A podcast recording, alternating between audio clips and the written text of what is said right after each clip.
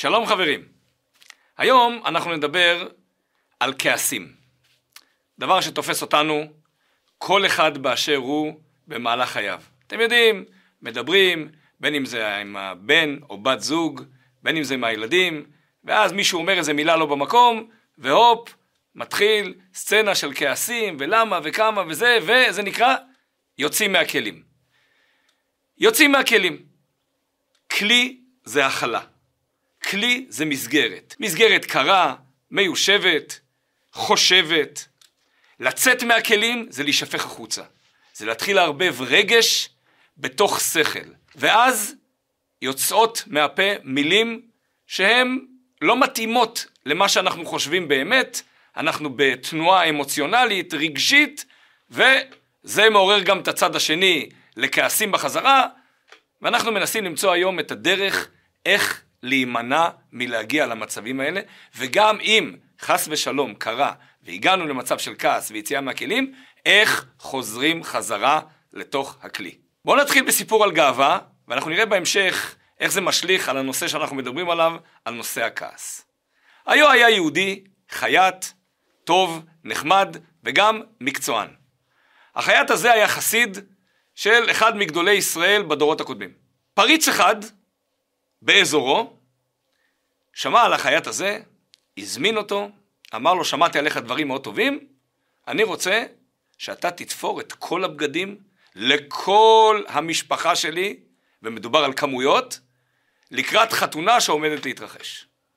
מבסוט, החייט עד הגג, מדובר על הכנסה כספית מאוד גדולה, מדובר על uh, מוניטין שהוא יצבור בסביבה, וזה מן הסתם יביא לו פרנסה בהמשך, ומודה עד הגג לקדוש ברוך הוא.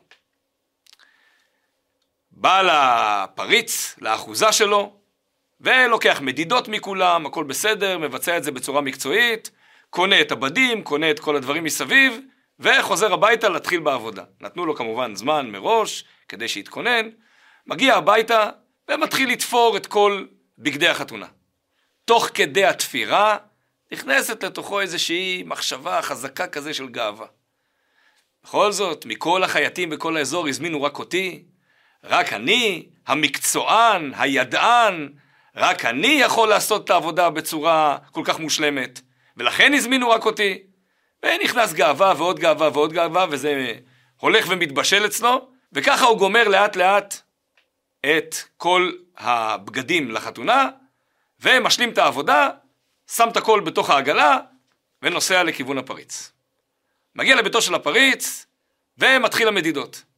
מודדים בגד ראשון, בגד שני, בגד שלישי, ורואים שהפרצוף של הפריץ מתחיל להיות זעוף. זעוף קצת, זעוף הרבה, זעוף מאוד.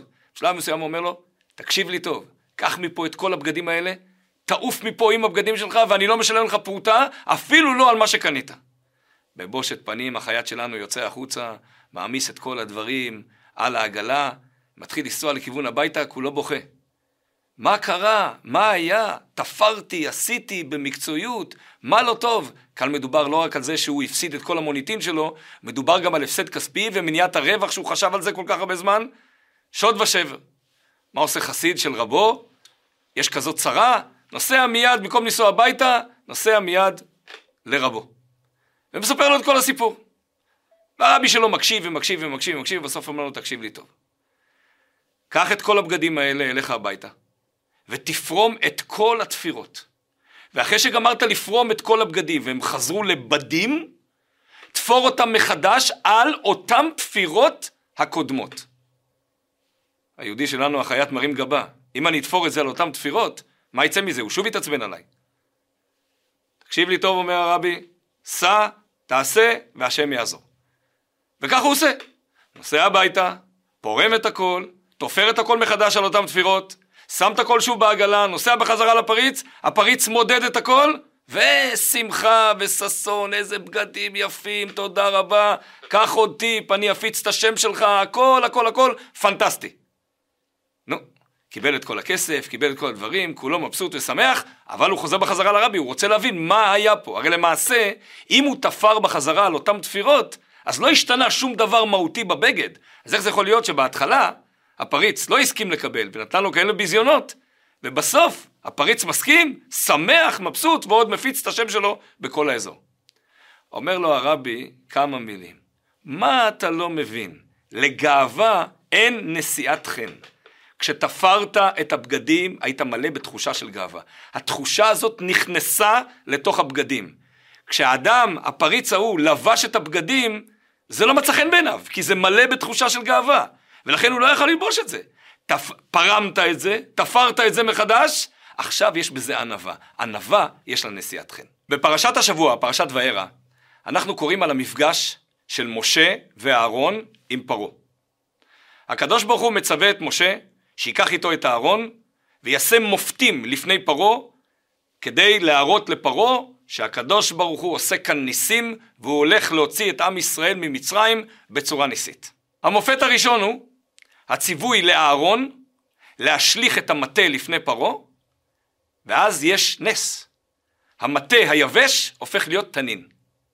אה, פרעה, הוא לא מתרגש מכישופים ומכל מיני ניסים למיניהם. הוא קורא למחשבים שלו צ'יק צ'אק, והמחשבים מביאים את המטה, אומר להם תזרקו את זה לרצפה, הופ, גם המטה שלהם הופך להיות תנין.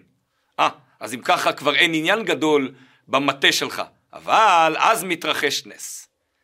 מטה הארון בולע את המטות של המחשבים המצריים.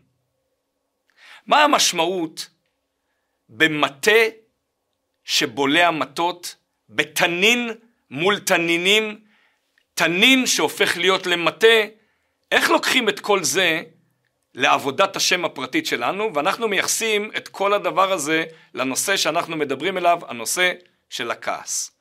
מסביר הרבי בצורה כזאת. תנין מול תנין. בואו נחשוב על עצמנו כתנינים, פוערי שיניים, מלאים בכוח, בעוצמה, בכעס, בזעם. כשאנחנו משדרים כעס, עצבים, חוסר יכולת הכלה לזולת, הזולת משדר בדיוק את אותו דבר, יש כאן מלחמת תנינים. כמו בסיפור הזה עם מצרים, יש כאן התנין של אהרון מול התנין של המחשבים, וזה נראה שעוד רגע הולך להיות מלחמת עולם. אבל אז מתרחש נס. התנין של אהרון חוזר להיות מטה. כשהוא חוזר להיות מטה, יבש, פשוט, קר, ממוסגר, הוא בולע את המטות. המריבה שלנו עם הזולת, הכעס שלנו עם הזולת, זה כשאנחנו בתוך רגש של תניניות. רגש של לשלוף שיניים, וכעס, ועצבים. וכמו שאמרנו, אנחנו מקבלים את אותו דבר גם מהזולת. אנחנו צריכים באותו רגע לחשוב, שנייה אחת. אנחנו צריכים לחזור להיות מטה, יבש, קר, מיושב. כשאנחנו נשדר את זה, גם הזולת יקבל את התשדורת, וגם הוא יחשוב באותה צורה. אז אם שנייה לפני זה, כשהיינו תנין, יצאנו מהכלים, נשפכנו החוצה, היינו מלאים באמוציות, עכשיו אנחנו צריכים לחשוב קר, מיושב, ולהגיע למצב שאפשר לבלוע בחזרה את המטה השני. מעניין שכשהתנין של אהרון הפך להיות מטה, בתוך הפסוק גם התנין של המצרים הפך להיות מטה. כי זה ממש תמונת מראה של מה שקורה אצלנו. זאת אומרת, היכולת שלנו להכיל כלי, לא לצאת מהכלים, לא לצאת מהכלה, אלא כן לבלוע במובן של להכיל את הזולת, גורמת לזה שהזולת יקבל מאיתנו, והשיח הופך להיות שיח רגוע וישר. איך עושים את זה? אנחנו עכשיו ניתן כמה נקודות לחשוב איך מיישמים את זה בחיים בפועל. הרבי הקודם של חב"ד אמר בשם דודו, כל פעם שאתה כועס, חכה 61 דקות, אל תשאלו אותי למה, זה המספר, 61 דקות עד שאתה מגיב לזולת. בזמן הזה אתה נרגע, אתה מקבל פרופורציות, אתה לוקח אוויר, ואז התגובה היא תגובה עניינית ולא תגובה אמוציונלית. מה נעשה ב-61 דקות, או לצורך העניין אם זה לא יצליח 61 דקות, שיהיה אפילו 61 שניות, גם טוב. מה נעשה בזמן הזה כדי לחשוב איך אנחנו מגיבים ממקום נכון, שמביע את עצמנו בצורה אמיתית, לא לוותר על מה רצינו להגיד, ועדיין לא יוצא מהכלים. שלב ראשון, התבוננות בעובדות ולא באמוציות. מה היה כאן? מעשית. לא מה אני ניפחתי מעבר למה שהיה כאן, לא איך הלב שלי עבד ואיך הרגש שלי עבד, אלא מה היה? מישהו אמר מילה לא במקום, מישהו עשה מעשה לא במקום, מה אני הרגשתי, מה זה גרם לי, אבל עניינית למה קרה. בלי כל האפקטים הצדדיים שנלוו לסיפור הזה. מה היה באמת בצורה עניינית? וזו נקודה מאוד חשובה, כי אם אנחנו נדלג עליה, תמיד תמיד תמיד נהיה מלווים באמוציה, כי בטעות האמוציה יכולה להפוך להיות חלק מהתרחיש, חלק ממה שהתרחש בפועל. צריך לדעת לקלף את השכבות האלה של הרגש, את השכבות של כל מה ששמנו מסביב, ולדעת להתעסק במה היה פה בפועל. מה הרגיז אותי? מה היה הדבר שהוציא אותי מהכלים? שלב שני, פרופורציה. זה שווה את הכעס? זה באמת שווה את כל הסצנה שהייתה פה? בין מבחינתי ובין מבחינת הזולת. זה הרי ריאקציה, ברגע שאני מגיב בצורה של כעס, גם הזולת מגיב באותה צורה. זה שווה? פרופורציה. יש בינינו יחסים, בין אם זה בני זוג, בין אם זה הורים לילדים, בין אם זה מקום עבודה, יש בינינו יחסים, יש בינינו עבר, יש בינינו הווה, יהיה בינינו גם עתיד. האם נקודת הזמן הזאת היא חזות הכל, וממילא ברגע זה לא קיים שום דבר בעולם, לא עבר, לא הווה, לא עתיד, קיים רק הרגע הזה שאני מתעצבן ואני יוצא מהכלים. שווה את זה? רגע, קצת אוויר, קצת חשיבה, נקודה שנייה, פרופורציות. נקודה שלישית, ואני אדגים אותה בסיפור. זוג דתי, שניהם אומרים ברכות השחר כל יום, ברכות השחר אלה הברכות שאנחנו בעצם אומרים אותם כל יום ונותנים דגש על הדברים לכאורה פשוטים אבל כל כך ניסיים שמתרחשים כל בוקר. מודה אני לפניך שהחזרת בי נשמתי בחמלה, רבה אמונתך. אשר יצר את האדם בחוכמה, היכולת להתפנות, היכולת להתרוקן, וכך הלאה. אחת מהברכות אצל גברים זה שלא עשני אישה. כיוון שאישה אינה מחויבת במצוות כמו גבר, מודים לקדוש ברוך הוא על זה שנוכל להתחבר אליו דרך המצוות. יום אחד האישה פונה לבעל ואומרת לו, בעלי, יש לי שאלה. 30, 40, 50 שנה אתה אומר, ברוך אתה השם אלוקינו מלך העולם, שלא עשני אישה. למי אתה מתכוון במילים שלא עשני אישה? מה עובר לך בראש איזה אישה הוא לא עשה אותך? אז אומר לה, אשתי, את האמת? היא אומרת לו, רק את האמת. אומר לה, אותך. היא אומרת לו, מה? אתה לא מתבייש. אנחנו נשואים כל כך הרבה שנים. אנחנו חולקים כל כך הרבה חוויות. אנחנו בקשר כל כך קרוב. וכשאתה אומר כל בוקר שלא עשני אישה, אתה מתכוון שהוא לא עשה אותך אותי? אומר לה, אשתי, אני לא מבין מה את אומרת. אני מתכוון להגיד שהוא לא עשה אותי אותך, כי אם אני הייתי את, איך הייתי מתחתן איתך? כיוון שהוא עשה אותי אני, אני יכול להתחתן איתך. זאת בדיוק הדוגמה ללתת שם לתחושה שלי. הצד השני אמר משהו מסוים, אני פירשתי את זה כיציאה מהכלים. אני פירשתי את זה כעלבון, כחוסר הערכה, כסוג של מה? אחרי כל כך הרבה שנים זה מה שאתה אומר? אבל לא, לא זה מה שהוא אמר. הוא אמר משהו אחר לגמרי. ברגע שאתה מרגיש, תן שם לתחושה שלך. מה שיכול לקרות, וזה קורה בהרבה מקרים, שהזולת שאיתו אתה מדבר, יגיד לך, רגע, זה לא מה ששידרתי. עצם המילים האלה, התקשורת האלה, הזאת, הלוך וחזור, היא תיתן פרופורציה לעל מה אתם מדברים. זה בעצם דו-שיח של חרשים.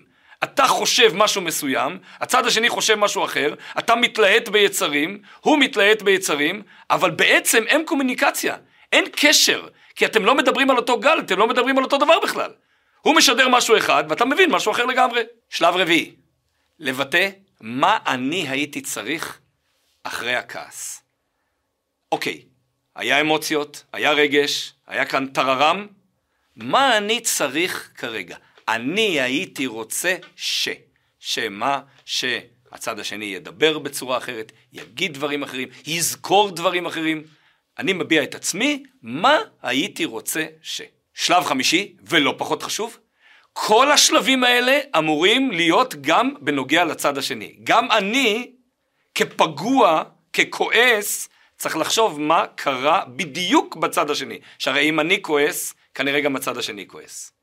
ואם אני מרגיש פגוע, ואם אני מרגיש שלא העריכו, יכול להיות שאותן תחושות במידה כזאת או אחרת קיימים גם בצד השני. כמו שהייתי רוצה ומצפה לקבל את היחס מהצד השני, אני גם צריך לשדר החוצה את אותה תשדורת, וכמובן לעבוד לפי אותם שלבים שדיברנו עליהם מקודם. מזה אנחנו חוזרים למטה אהרון של פרשת השבוע.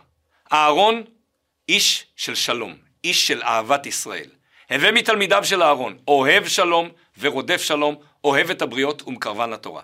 כשאנחנו רוצים להעביר מסר לזולת, כשאנחנו רוצים להעביר מסר לילדינו, כשאנחנו רוצים להעביר מסר בתוך בני זוג, מקום העבודה וכולי, שים לב, אהרון הוא הדובר של משה רבינו. זה לא רק כי טכנית משה רבינו הוא כבד פה וכבד לשון, אלא כי אהרון, הסמליות שלו זה לדברר את דברינו. כלומר, גם אנחנו צריכים להתלבש במידת אהרון שבתוכנו, והמידה הזאת קיימת בכל אחד, גם באדם העצבני, הסופר עצבני, שתמיד יוצא מהכלים, עמוק עמוק בפנים, קיים אהרון קטן בתוכו, שכדי באמת ליצור קשר עם הזולת, הוא חייב לשים על עצמו חליפה שנקראת אהרון הכהן. אוהב שלום ורודף שלום.